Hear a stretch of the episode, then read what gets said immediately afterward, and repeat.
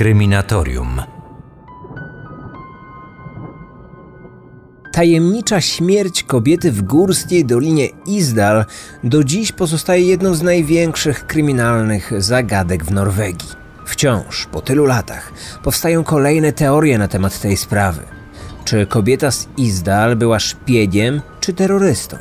Została zabita czy popełniła samobójstwo? A może jej śmierć spowodował nieszczęśliwy wypadek?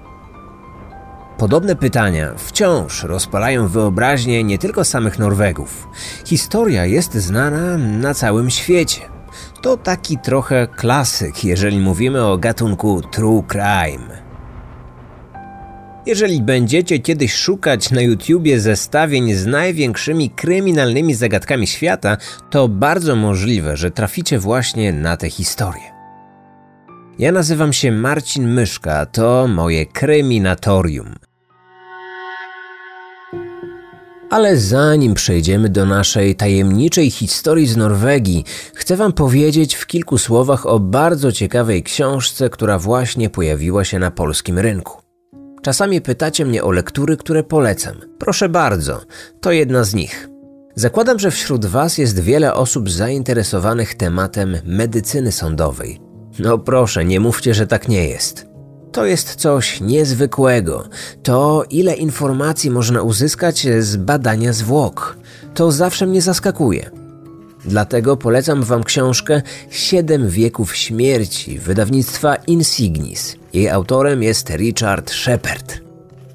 To wybitny brytyjski patomorfolog, niezwykle znana postać. Właściwie całe życie spędził blisko zmarłych. Można powiedzieć, że śmierć to jego codzienność. Wie o niej niemal wszystko. W tej nowej książce dr Shepard przedstawia nam 24 niezwykle ciekawe przypadki, z którymi zetknął się w swojej karierze. Czasami były to zbrodnie, innym razem nieszczęśliwe wypadki. Zaczynając od zdarzeń, które dotyczyły dzieci, a kończąc na osobach najstarszych. Razem z doktorem i jego badaniami przechodzimy przez cały cykl ludzkiego życia. Autor opowiada nam o okolicznościach każdej ze spraw i krok po kroku wyjaśnia, jakie decyzje podjął i co na temat zdarzenia powiedziało mu ciało. Dodam jeszcze tylko, że to już druga pozycja doktora Sheparda, która pojawiła się na polskim rynku. Wcześniejszą książkę, bestseller o tytule Niewyjaśnione okoliczności, połknąłem właściwie w jeden wieczór, więc tym bardziej ucieszyłem się na wieść o kontynuacji. Przypominam tytuł raz jeszcze Siedem wieków śmierci. Zachęcam do lektury. Książka jest już dostępna w sprzedaży, a link do jej zakupu znajdziecie w opisie tego materiału. Kryminatorium. Otwieramy akta tajemnic. W niedzielny poranek 29 listopada 1970 roku pewien drwal zabrał dwie swoje córki na górską wędrówkę. Planowali dotrzeć do Urliken. To najwyższy szczyt gór otaczających norweskie miasto Bergen. Swoją wyprawę rozpoczęli od przejścia przez Isdalen, czyli lodową dolinę. Dziewczynki z jednej strony były bardzo podekscytowane tą rodzinną wycieczką, ale z drugiej były też trochę przerażone. Kiedy były małe, ich ojciec opowiadał im o zupełnie innej i budzącej grozę nazwie tego miejsca, a mianowicie Dolina Śmierci. Wśród lokalnych mieszkańców nazwa ta była znana od niepamiętnych czasów. Niektórzy twierdzili, że właściwie już od średniowiecza.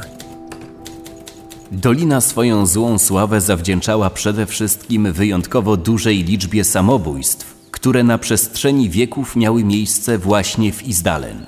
Starsi Norwegowie mówili czasami, że w tych górach czaiło się zło, które potrafiło nie tylko owładnąć umysłem człowieka, ale zmusić go do odebrania sobie życia. Babcia dziewczynek była święcie przekonana, że nie jest to tylko legenda, że zło wciąż się tam czai. Denerwowała się za każdym razem, kiedy jej syn zabierał wnuczki w to miejsce. Jednak nic nie mogła zrobić, aby ich powstrzymać. Od jakiegoś czasu te niedzielne wędrówki należały już do rodzinnej tradycji. Ojciec dziewczynek nie wierzył w zjawiska paranormalne. Podobne opowieści traktował z przymrużeniem oka. Dla niego były one wyłącznie miejscowym folklorem, ale lubił nimi straszyć swoje córki.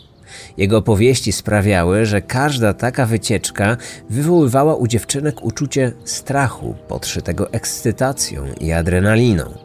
W połączeniu z serią niedawnych wypadków w dolinie, podczas których kilka osób zgubiło drogę w tej gęstej mgle i zaginęło bez wieści, opowieści Drwala nabierały dodatkowego kolorytu.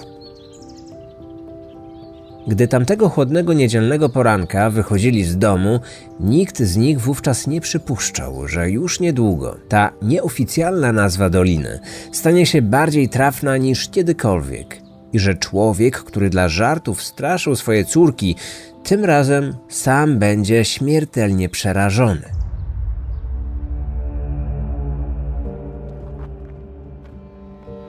Przechodząc przez lodową dolinę, lekko zeszli ze ścieżki. Chcieli wdrapać się na niewielkie głazy, aby na nich zrobić sobie postój na gorącą herbatę z termosu. Często tak robili, ale tylko wtedy, gdy pozwalała na to pogoda. Tym razem nie było mgły, a kamienie nie były śliskie od wilgoci. Nagle mężczyzna poczuł dziwny zapach. Przypominał spaleniznę i dochodził z miejsca, do którego właśnie zmierzali. Pierwsza dobiegła tam jedna z dziewczynek i to właśnie ona natknęła się na spalone szczątki kobiety. Jej ciało było mocno zwęglone, podobnie jak twarz, której nie można było rozpoznać. Przerażona dokonanym odkryciem dziewczynka zawołała ojca. Mężczyzna zarządził natychmiastowy powrót do domu, skąd zadzwonił na policję w Bergen. Wkrótce w Isdalen zaroiło się od funkcjonariuszy, którzy przybyli na miejsce wskazane przez Drwala. Policjanci nie wiedzieli wówczas, czy przybyli na miejsce nieszczęśliwego wypadku, samobójstwa, a może na miejsce zbrodni. Takie pytania będą pojawiać się przez następne pół wieku. Śledczy natychmiast rozpoczęli śledztwo w sprawie okoliczności śmierci tej nieznanej kobiety, która wkrótce została nazwana przez norweską prasę kobietą z Izdal. Miejsce makabrycznego odkrycia szczelnie ogrodzono i zabezpieczono.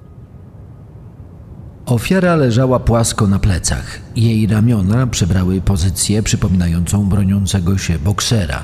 W pobliżu nie było śladów żadnego ogniska, więc od razu wykluczyliśmy, że podpalenie kobiety nastąpiło wskutek nieszczęśliwego wypadku. W pobliżu ciała leżało wiele przedmiotów, które z pewnością należały do ofiary.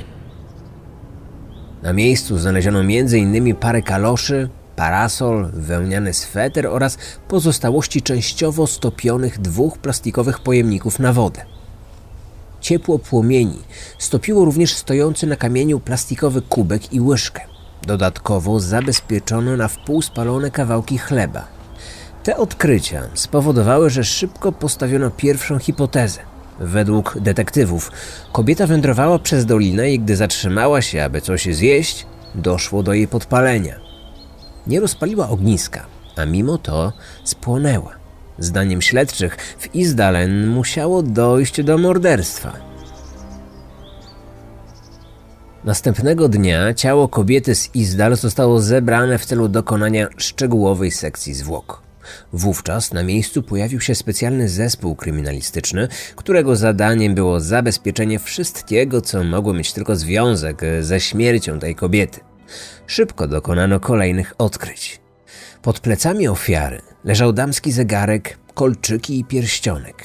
Pod pośladkiem natrafiono na futrzany kapelusz, który wyraźnie pachniał benzyną. Była też pusta butelka po likierze, nadpalona paczka papierosów, plastikowy pojemnik na paszport oraz pozostałości pudełka niemieckich zapałek. Grafika na opakowaniu wskazywała, że pochodziły z jednego z tamtejszych seks shopów. W znalezionej torbie ofiary wciąż znajdowały się nylonowe pończochy, szalik, pojemnik lakieru do włosów oraz maść na zapalenie skóry.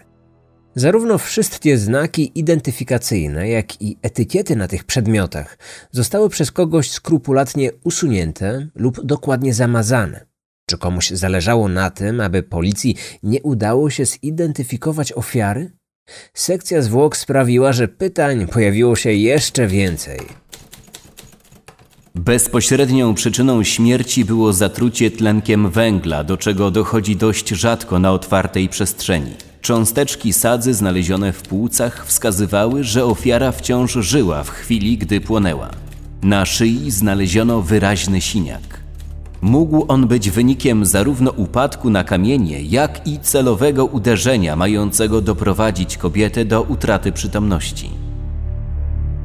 W organizmie ofiary stwierdzono obecność niewielkiej ilości alkoholu oraz lek na padaczkę. Ten środek był wtedy powszechnie stosowany jako środek nasenny albo uspokajający. Jego przedawkowanie mogło spowodować śmierć. Dlatego był on też często wykorzystywany przez samobójców. Jednak dawka, którą znaleziono w krwiobiegu tej kobiety, była zbyt mała, by mogła zostać uznana za śmiertelną, ale wystarczająca, aby doszło do chwilowego otępienia. Dodatkowo w żołądku znaleziono kilkadziesiąt tabletek tego leku, które nie zdążyły się jeszcze rozpuścić. Nie miały więc bezpośredniego związku ze śmiercią. Gdyby taka ilość dostała się do krwi, e, z pewnością spowodowałoby zgon. Śledczy zaczęli zastanawiać się, czy kobieta próbowała popełnić samobójstwo. Jeśli tak, no to nie zdążyła, ponieważ wcześniej została spalona. A może wiedziała, że zostanie zabita i właśnie dlatego próbowała się maksymalnie otępić, zanim to nastąpi. Sam przebieg pożaru również rodził mnóstwo pytań. Najbardziej spalone były plecy i głowa, najmniej brzuch i pośladki. Taki rodzaj obrażeń sugerował, że w momencie kontaktu z ogniem ta kobieta siedziała na ziemi, mocno pochylona do przodu. Zdaniem lekarza przeprowadzającego sekcję zwłok, ofiara została otoczona krótkotrwałym, ale bardzo intensywnym płomieniem. Skierowany był głównie na jej twarz i klatkę piersiową. Potem przeniósł się na plecy. Lekarz nie był w stanie jednoznacznie odpowiedzieć, co było przyczyną tego pożaru. Eksplozja? Na ciele nie było śladów świadczących o wybuchu. Poza tym, co może eksplodować na górskim szlaku? A może miotacz płomieni? Taka wersja pasowała najbardziej. Jednak hmm, po co zabójca miałby go użyć? Przecież istnieje wiele, dużo łatwiejszych sposobów na dokonanie zabójstwa. Żadne klocki tej układanki do siebie nie pasowały. Pytania wciąż pozostawały bez odpowiedzi. Kim była ofiara? Co robiła w tym miejscu? No i dlaczego zginęła?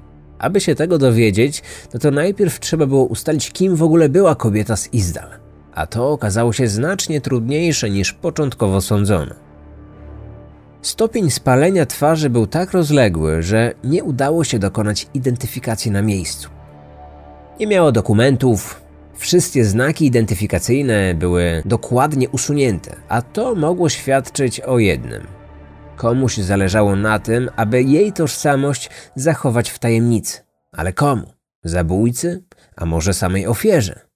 Podobne przypadki miały już wcześniej miejsce w Norwegii i niemal zawsze dotyczyły szpiegów. Ta hipoteza nabrała sensu, kiedy jeden z najlepszych norweskich stomatologów zbadał zęby kobiety z Izdal. Jej zęby były leczone w odległych zakątkach świata, ale nie w naszym kraju. Koronki były charakterystyczne dla państw Europy Wschodniej. Materiały użyte do wypełnień stosowano powszechnie w Ameryce Południowej oraz w Azji. Kimkolwiek była ta osoba, na pewno nie odwiedzała dentystów w Norwegii. Taką hipotezę miał potwierdzić jeszcze jeden szczegół.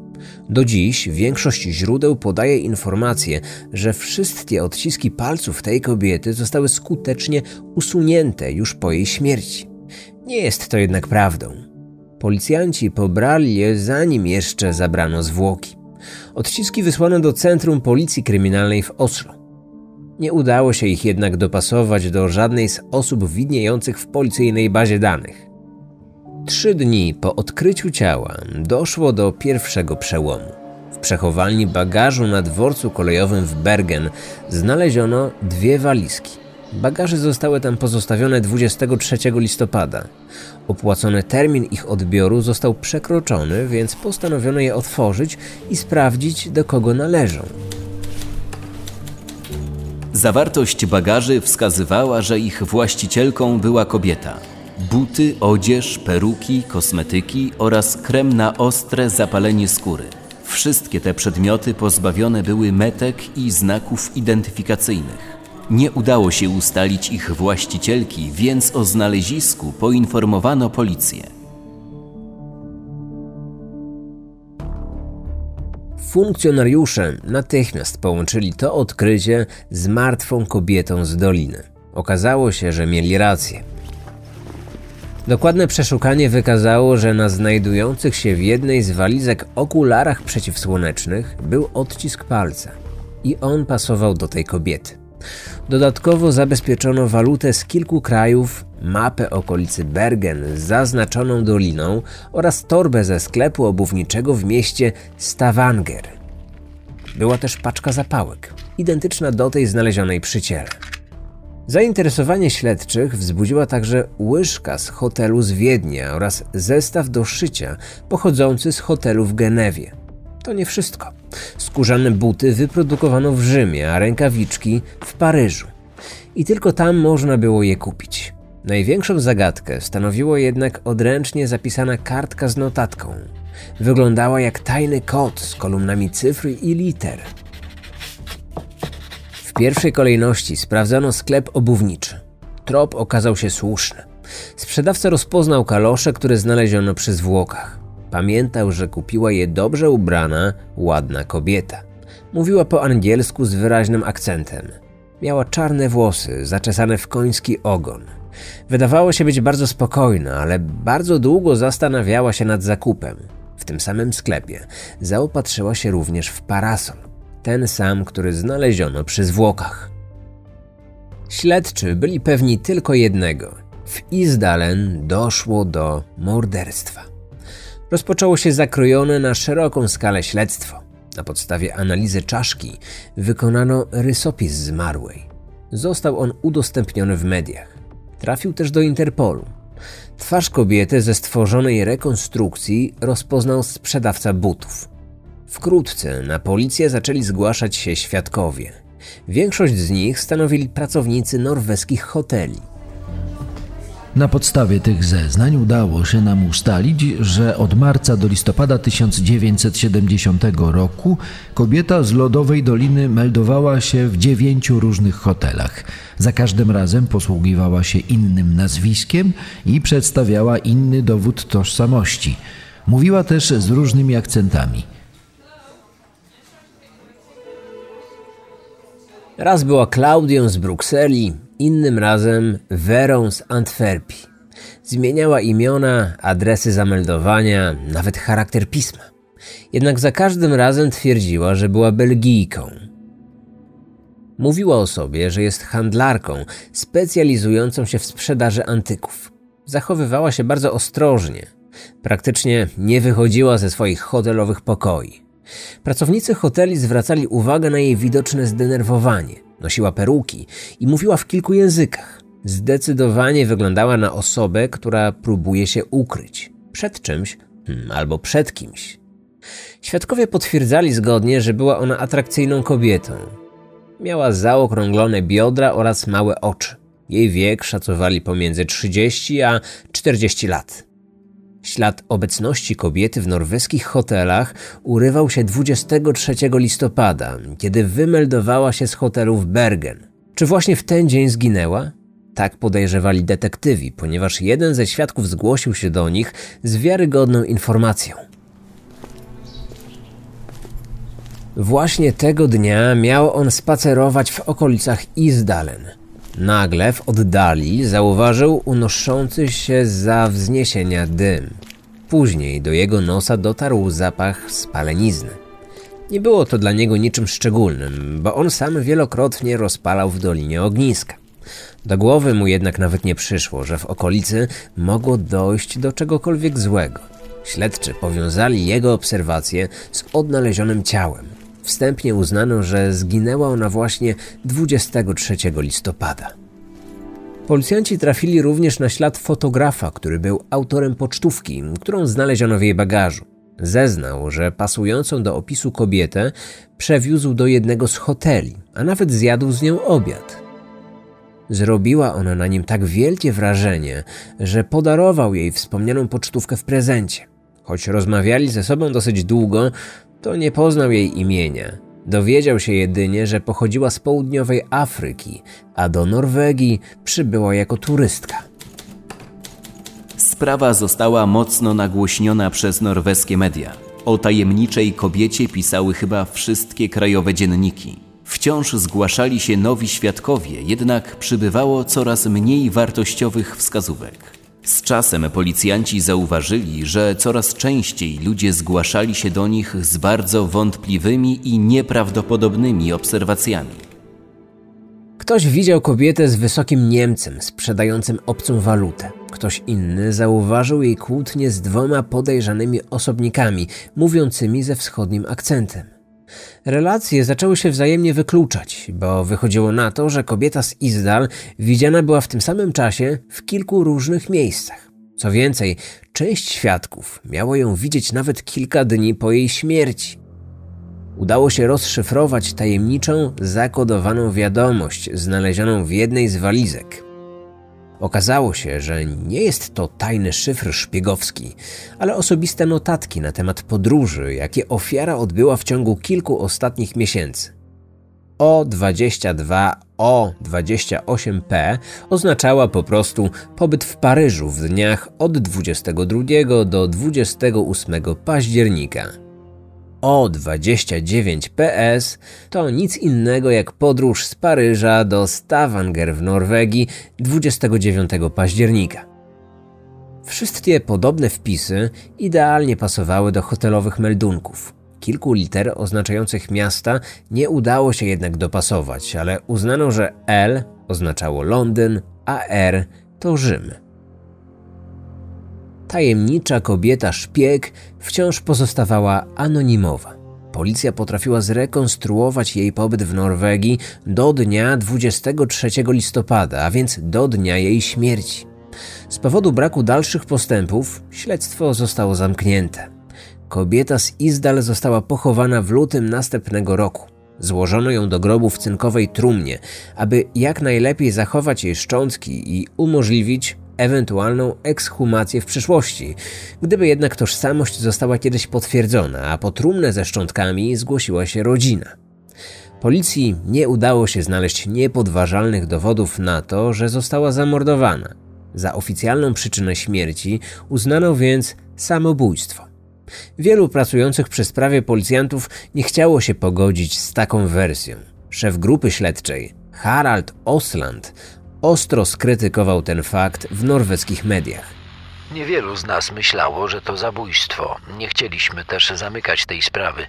Decyzja została podjęta przez kogoś na samej górze. Osobiście uważam, że kobieta została zamordowana. Miała różne tożsamości, posługiwała się kilkoma paszportami, nosiła peruki i ciągle podróżowała. Moim zdaniem była szpiegiem, którego postanowiono się pozbyć. Czy uczynili to Rosjanie, Amerykanie, a może wschodni Niemcy? Tego nie wiem. Z czasem sprawa została zapomniana. Przypomniano sobie o niej dopiero ponad pół wieku później, kiedy w 2005 roku na policję zgłosił się marynarz, który w 1970 roku mieszkał w Bergen. Twierdził, że kilka dni przed odkryciem zwłok widział bardzo podobną kobietę do naszej bohaterki w okolicach Isdalen. Szła sama w kierunku górskiego szczytu. Wyglądała na zrezygnowaną albo załamaną i była zdecydowanie zbyt lekko ubrana jak na taką wędrówkę o takiej porze roku. Gdy świadek ją mijał, kobieta spojrzała w jego stronę. Trzęsła się. Sprawiała wrażenie, że chce mu coś powiedzieć. W ostatniej chwili jednak zrezygnowała. Obejrzała się za siebie i przyspieszyła kroku. Świadek dopiero wtedy zauważył, że za kobietą szło dwóch mężczyzn o mocno południowej urodzie. Zdecydowanie nie wyglądali na Norwegów. 26-letni wówczas marynarz odniósł wrażenie, że kobiecie może grozić wielkie niebezpieczeństwo. Natychmiast udał się na posterunek policji i o wszystkim opowiedział. Funkcjonariusze kazali mu jednak zapomnieć o tym, co widział i wrócić do domu. Świadek uznał, że policja może być w zmowie z tymi dwoma tajemniczymi, obco wyglądającymi mężczyznami, więc postanowił milczeć. Tak tłumaczył się po latach. Atmosfera ówczesnej zimnej wojny i światowej walki szpiegów, podsycana przez kino i powieści sensacyjne, zrobiła swoje. Marynarz bał się, że i jemu stanie się coś złego, jeśli nie zamilknie. Dopiero po kilkudziesięciu latach znalazł w sobie na tyle odwagi, aby ponownie złożyć zeznania. Choć wielu dziennikarzy nie wierzyło w jego słowa, to o kobiecie z Izdal znów zrobiło się głośno. Ostatecznie śledztwo zostało wznowione 11 lat później, kiedy norweskie służby bezpieczeństwa odtajniły akta sprawy. Okazało się wtedy, że w 1970 roku nie tylko policja interesowała się tą tajemniczą sprawą. Wspomniane akta nie wniosły co prawda żadnych wskazówek, które mogłyby pomóc w rozwiązaniu zagadki, ale zawierały ważną notatkę. Okazało się, że dzień przed tym, jak policja oficjalnie uznała, że kobieta popełniła samobójstwo, Departament Bezpieczeństwa Norweskich Sił Zbrojnych przesłał im utajnioną wiadomość. Posłuchajcie. Według naszych ustaleń, kobieta, którą znaleziono martwą w dolinie, kilka dni przed swoją śmiercią obserwowała testy naszej nowej rakiety, odbywające się w okolicy. Miejsca dokonywania innych testów dokładnie pokrywały się z jej obecnością na tych obszarach. Odkryliśmy również, że w tych samych lokalizacjach zaobserwowano aktywność dwóch agentów radzieckiego wywiadu. Czy to ta wiadomość skłoniła policję do zmiany decyzji i nagłego zwołania konferencji prasowej, na której ogłoszono, że do morderstwa nie doszło? Nigdy tego oficjalnie nie potwierdzono. Faktem było jednak to, że po otrzymaniu tej notatki śledztwo zostało natychmiast zamknięte. Po wznowieniu sprawy norweskie media zleciły wykonanie sześciu nowych szkiców, przedstawiających wygląd kobiety z Izdal. Uwzględniono wszystkie zeznania świadków oraz zachowane zdjęcia zwłok. Odnaleziono też szczękę kobiety, która po sekcji została zdeponowana w policyjnym archiwum. Postanowiono przeprowadzić analizę szkliwa zębów. Liczono na to, że uda się przynajmniej ustalić skąd pochodziła. Dodatkowo przeprowadzono testy DNA na fragmentach organów pobranych podczas sekcji. Rok później pojawiły się pierwsze wyniki. Analizy wykazały ponad wszelką wątpliwość, że kobieta z Izdal urodziła się około roku 1930 w pobliżu niemieckiej Norymbergi. Kilka lat później przeniosła się w okolice granicy francusko-niemieckiej. Natomiast badania DNA wykluczyły pochodzenie żydowskie. Było to o tyle ważne, że od pewnego czasu popularna była hipoteza mówiąca o powiązaniu tej kobiety z izraelskim Mossadem. Dalsze badania wciąż trwają. DNA tajemniczej kobiety zostało umieszczone w bazie danych Interpolu. Jeśli kiedykolwiek któryś z członków jej rodziny pojawi się w tym rejestrze, to jego DNA zostanie automatycznie dopasowane do kobiety z Izdal.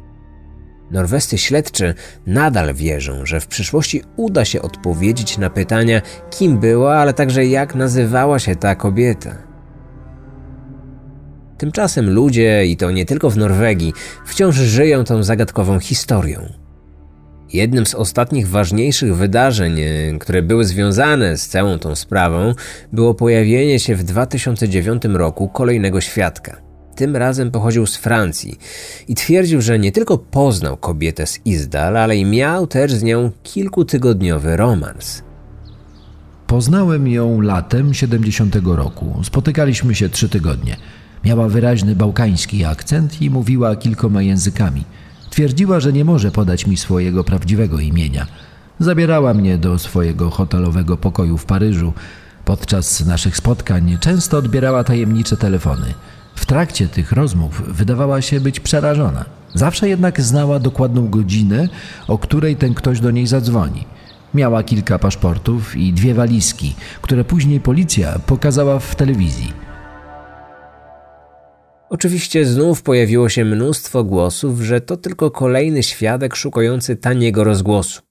Historie o szpiegach, zwłaszcza o pięknych kobietach wywiadu, od lat przecież pobudzają wyobraźnię nie tylko filmowców, ale także zwykłych ludzi. Jednak tym razem świadek miał dowód na prawdziwość swoich słów. przyciśnięty do muru oskarżeniami o kłamstwo, zaprezentował dziennikarzom pewne zdjęcie.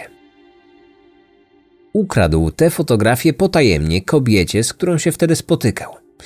Miała być dla niego pamiątką, ponieważ dzień wcześniej usłyszał od swojej kochanki, że ona niedługo zniknie, a on już nigdy jej nie zobaczy. Zdjęcie przedstawiało młodą i atrakcyjną kobietę siedzącą na koniu.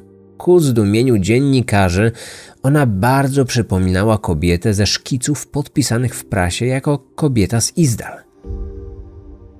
Nie wszyscy zgadzają się z teorią, że kobieta była szpiegiem. Pojawiły się również twierdzenia, że zajmowała się prostytucją, że była międzynarodową terrorystką lub kierowała zorganizowaną grupą przestępczą. Są też tacy, którzy uważają, że była płatną zabójczynią, która ostatecznie sama padła ofiarą swoich kolegów po fachu. Na koniec warto jeszcze odnotować jedną z najbardziej zaskakujących hipotez i zarazem jedną z najrzadziej poruszanych przez wszystkich autorów. Mówi ona o tym, że kobieta z Izdal padła ofiarą fatalnego zbiegu okoliczności i tragicznego w skutkach nieszczęśliwego wypadku. Dziennikarz Michael East wysnuł hipotezę, że do tej tajemniczej śmierci mogły doprowadzić medykamenty stosowane przez kobietę. Brała ona leki na padaczkę oraz stosowała krem na ostre zapalenie skóry. Ich połączenie mogło okazać się dla niej bardzo tragiczne w skutkach. Gdyby faktycznie chorowała na padaczkę i poczuła, że zbliża się atak, a ona przebywa w odludnej okolicy, gdzie nikt jej nie pomoże, możliwe, że wpadła w panikę i wzięła całe opakowanie tabletek, wierząc, że mogą jej pomóc. Następnie usiadła na ziemi i pochyliła się do przodu, chcąc przeczekać spodziewany atak. Wyczekując tego ataku, mogła odpalić papierosa. Wiadomo, że paczka papierosów została odnaleziona przy jej ciele, a więc kobieta była osobą palącą. Kiedy atak w końcu nastąpił, papieros wypadł jej z ręki i wpadł za ubranie. Tlił się przez chwilę, po czym wybuchł nagłym i intensywnym pożarem. Dziennikarz snuje tutaj dalsze domysły, że katalizatorem ognia mógł być stosowany przez nią krem na zapalenie skóry. Zawierał on parafinę, której zapach może przypominać zapach benzyny. I tak jak ona, jest łatwopalna. A podobny zapach był przecież wyczuwalny na miejscu odnalezienia ciała, choć nie odnaleziono tam żadnych śladów samej benzyny. Ówczesne raporty medyczne wskazywały wyraźnie, że krem z parafiną może odkładać się na ubraniu przylegającym do ciała pacjentów. Zwłaszcza gdy w przypadku ostrego zapalenia skóry stosuje się go w zwiększonej ilości. W kontakcie z żarem papierosa mógł spowodować nagły pożar. W latach 70. w samej tylko Wielkiej Brytanii doszło do ponad 50 zgonów zainicjowanych dokładnie w taki sam sposób. Dlatego brytyjskie służby medyczne często ostrzegały pacjentów stosujących krem z parafiną na zapalenie skóry, aby ci nie zbliżali się do otwartego ognia. To mogło tłumaczyć fakt, że najmniej spalone były pośladki i brzuch, czyli części ciała osłonięte podczas pozycji siedzącej i skulonej. Jeśli ta kobieta dodatkowo cierpiała na zapalenie skóry w okolicach głowy, być może dlatego zmuszona była korzystać z peruk. Z powodu ognia lub drgawek padaczkowych mogła nagle przewrócić się do tyłu i stracić przytomność po tym, jak uderzyła głową o kamień. Choć wydaje się to prawdopodobne, nie ma na to twardych dowodów. Jednak dziennikarz podkreśla, że podobnych dowodów nie ma w przypadku każdej innej hipotezy, łącznie z tą o byciu szpiegiem. Trzeba jednak pamiętać, że wszystkie zaprezentowane teorie opierają się wyłącznie na przypuszczeniach. Znane dziś fakty zdają się niekiedy bardziej przemawiać na korzyść jednych, a innym wyraźnie przeczyć. Ale nawet w najbardziej prawdopodobnej hipotezie występują wyraźne luki, które każą zachować dużo ostrożności. Choć na przestrzeni kilkudziesięciu lat bardzo wiele zostało już powiedziane i napisane o całej sprawie, wciąż praktycznie nic nie wiadomo. Co zmuszało ją do tak częstych podróży? Dlaczego ukrywała swoją tożsamość? Czym tak naprawdę się zajmowała? Kogo się bała? Komu mogło zależeć na jej śmierci? Te pytania nadal pozostają otwarte, a norwescy śledczy wciąż mają nadzieję, że w końcu uda się na nie odpowiedzieć, przynajmniej na niektóre z nich. To, czy tak się faktycznie stanie, wciąż pozostaje kwestią otwartą. Wiele osób wierzy jednak, że tajemnicza kobieta z Izdal, pochowana w bezimiennym norweskim grobie, któregoś dnia odzyska swoje prawdziwe imię. Na koniec przypominam jeszcze o naszej premierze książkowej. Siedem wieków śmierci autorstwa Richarda Sheparda. Ta książka jest już dostępna w sprzedaży. Zachęcam do lektury, a za dziś już bardzo dziękuję. Mam nadzieję, że usłyszymy się w nadchodzący poniedziałek. Oczywiście przed południem Kryminatorium znajdziecie na Spotify i wszystkich innych aplikacjach podcastowych. Do usłyszenia. Odcinek powstał na podstawie książek i prac takich autorów jak Tore Osland, Lauren Robinson i Michael East. Wykorzystano również artykuły opublikowane przez stację BBC oraz NRK, publicznego norweskiego nadawcę radiowo-telewizyjnego. Odcinek powstał przy współpracy z wydawnictwem Insignis.